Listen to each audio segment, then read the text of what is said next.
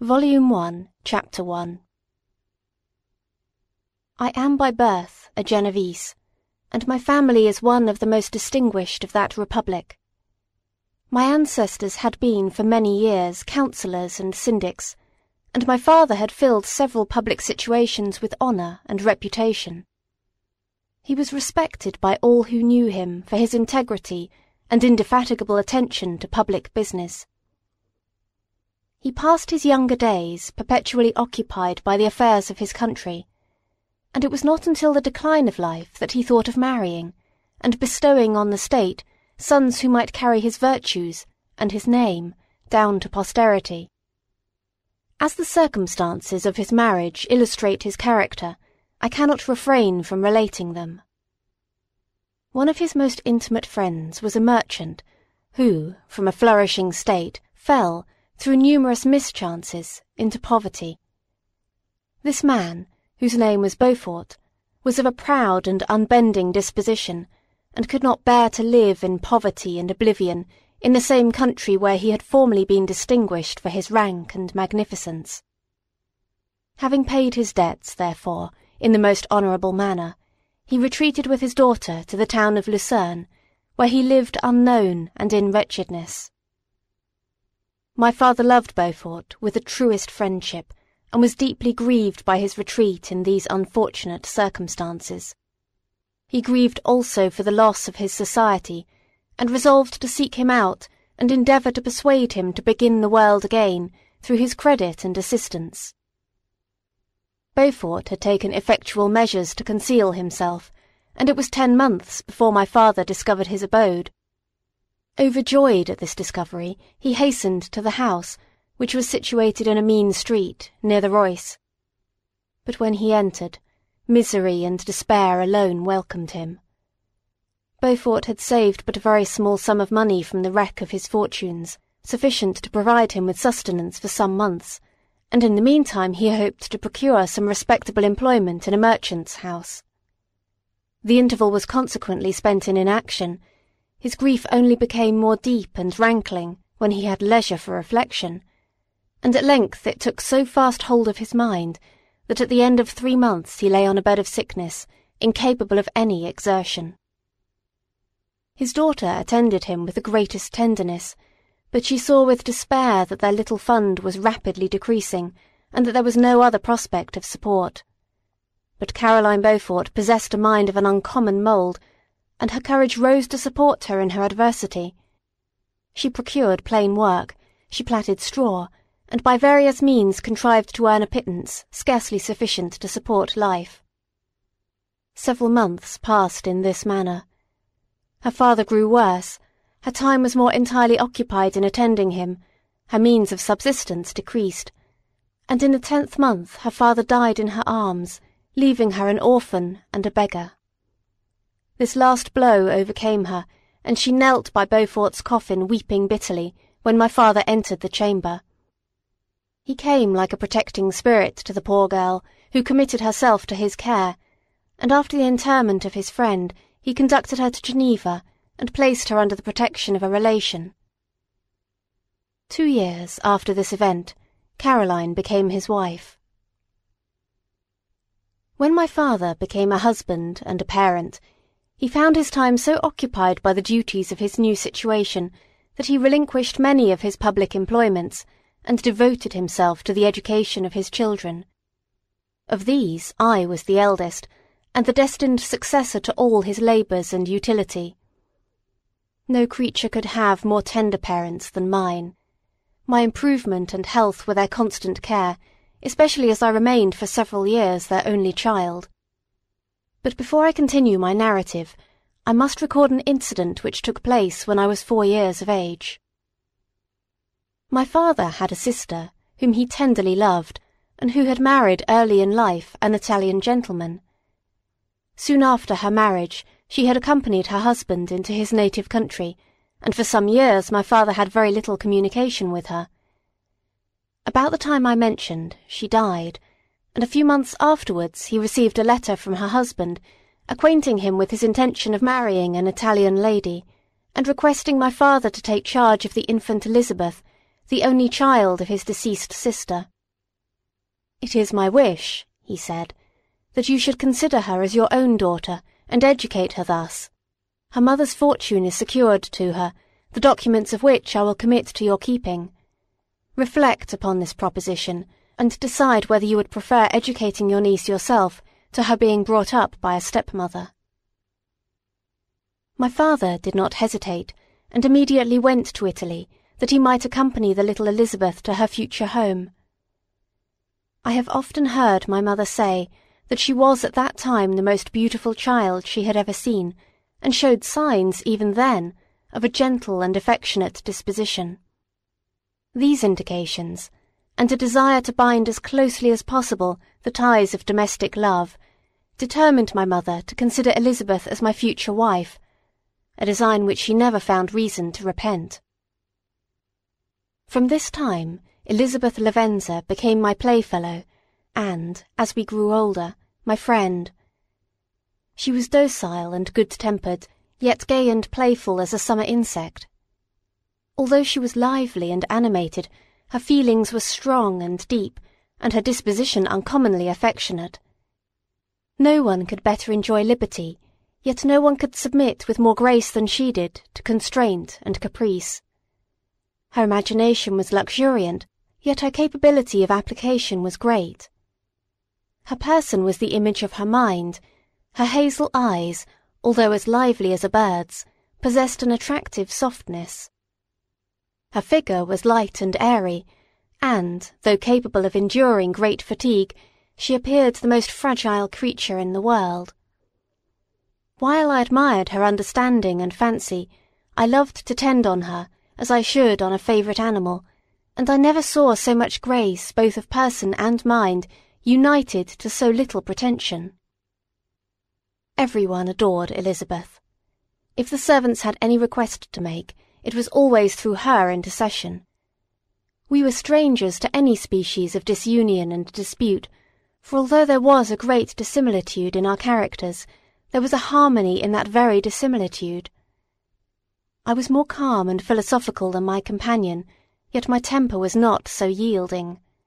My application was of longer endurance, but it was not so severe whilst it endured. I delighted in investigating the facts relative to the actual world. She busied herself in following the aerial creations of the poets. The world was to me a secret, which I desired to discover. To her it was a vacancy, which she sought to people with imaginations of her own. My brothers were considerably younger than myself, but I had a friend in one of my schoolfellows who compensated for this deficiency. Henry Clerval was the son of a merchant of Geneva, an intimate friend of my father. He was a boy of singular talent and fancy. I remember when he was nine years old, he wrote a fairy tale which was the delight and amazement of all his companions. His favourite study consisted in books of chivalry and romance, and when very young I can remember that we used to act plays composed by him out of these favourite books, the principal characters of which were Orlando, Robin Hood, Amadis, and St. George. No youth could have passed more happily than mine. My parents were indulgent, and my companions amiable.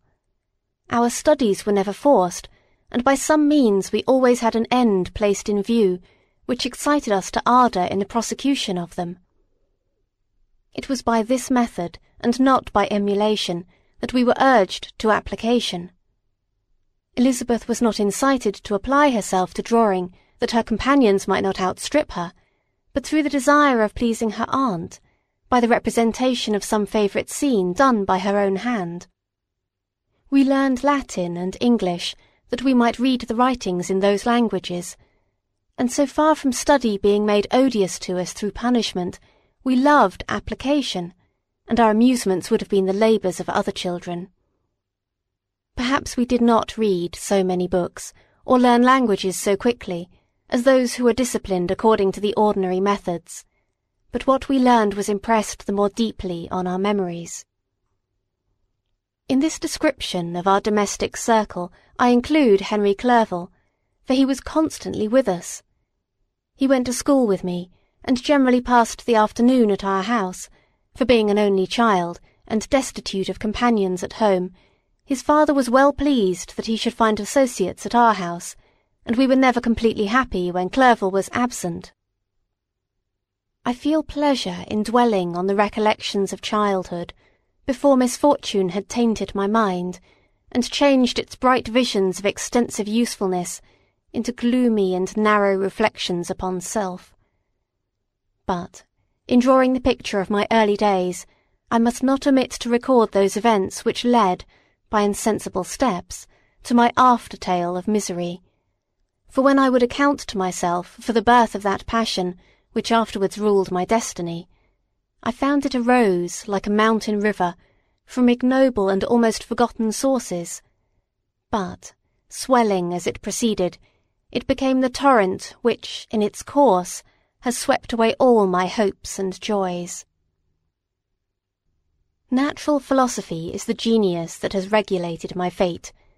I desire, therefore, in this narration, to state those facts which led to my predilection for that science. When I was thirteen years of age, we all went on a party of pleasure to the baths near Thonon. The inclemency of the weather obliged us to remain a day confined to the inn. In this house, I chanced to find a volume of the works of Cornelius Agrippa.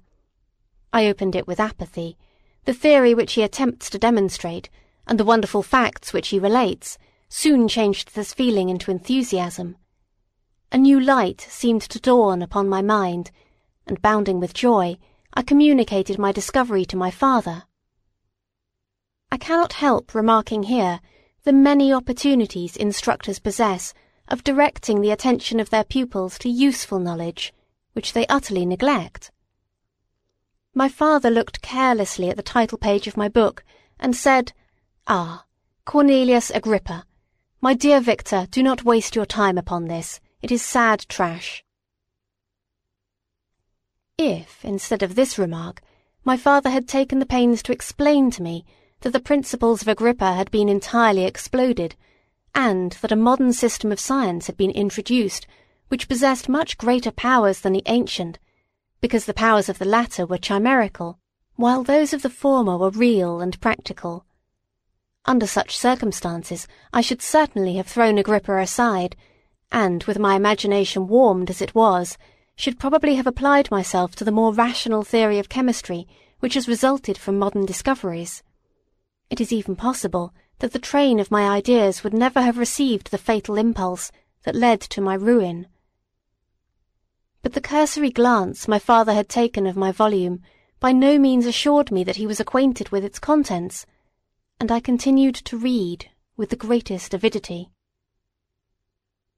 When I returned home, my first care was to procure the whole works of this author, and afterwards of Paracelsus and Albertus Magnus.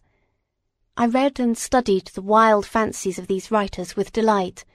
They appeared to me treasures known to few beside myself, and although I often wished to communicate these secret stores of knowledge to my father, yet his indefinite censure of my favourite Agrippa always withheld me. I disclosed my discoveries to Elizabeth, therefore, under a promise of strict secrecy, but she did not interest herself in the subject, and I was left by her to pursue my studies alone. It may appear very strange that a disciple of Albertus Magnus should arise in the eighteenth century. But our family was not scientifical, and I had not attended any of the lectures given at the schools of Geneva. My dreams were therefore undisturbed by reality, and I entered with the greatest diligence into the search of the philosopher's stone and the elixir of life. But the latter obtained my undivided attention, Wealth was an inferior object, but what glory would attend the discovery if I could banish disease from the human frame and render man invulnerable to any but a violent death. Nor were these my only visions. The raising of ghosts or devils was a promise liberally accorded by my favourite authors, the fulfilment of which I most eagerly sought. And if my incantations were always unsuccessful, I attributed the failure rather to my own inexperience and mistake than to a want of skill or fidelity in my instructors. The natural phenomena that take place every day before our eyes did not escape my examinations. Distillation and the wonderful effects of steam, processes of which my favourite authors were utterly ignorant, excited my astonishment. But my utmost wonder was engaged by some experiments on an air pump, which I saw employed by a gentleman whom we were in the habit of visiting. The ignorance of the early philosophers on these and several other points served to decrease their credit with me, but I could not entirely throw them aside before some other system should occupy their place in my mind.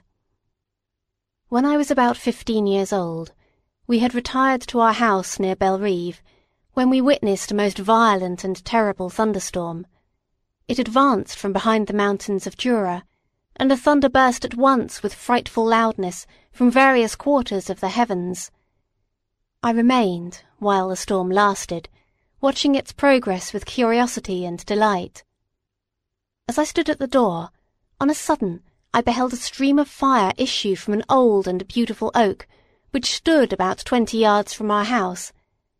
And so soon as the dazzling light vanished, the oak had disappeared, and nothing remained but a blasted stump. When we visited it the next morning, we found the tree shattered in a singular manner. It was not splintered by the shock, but entirely reduced to thin ribbons of wood. I never beheld anything so utterly destroyed.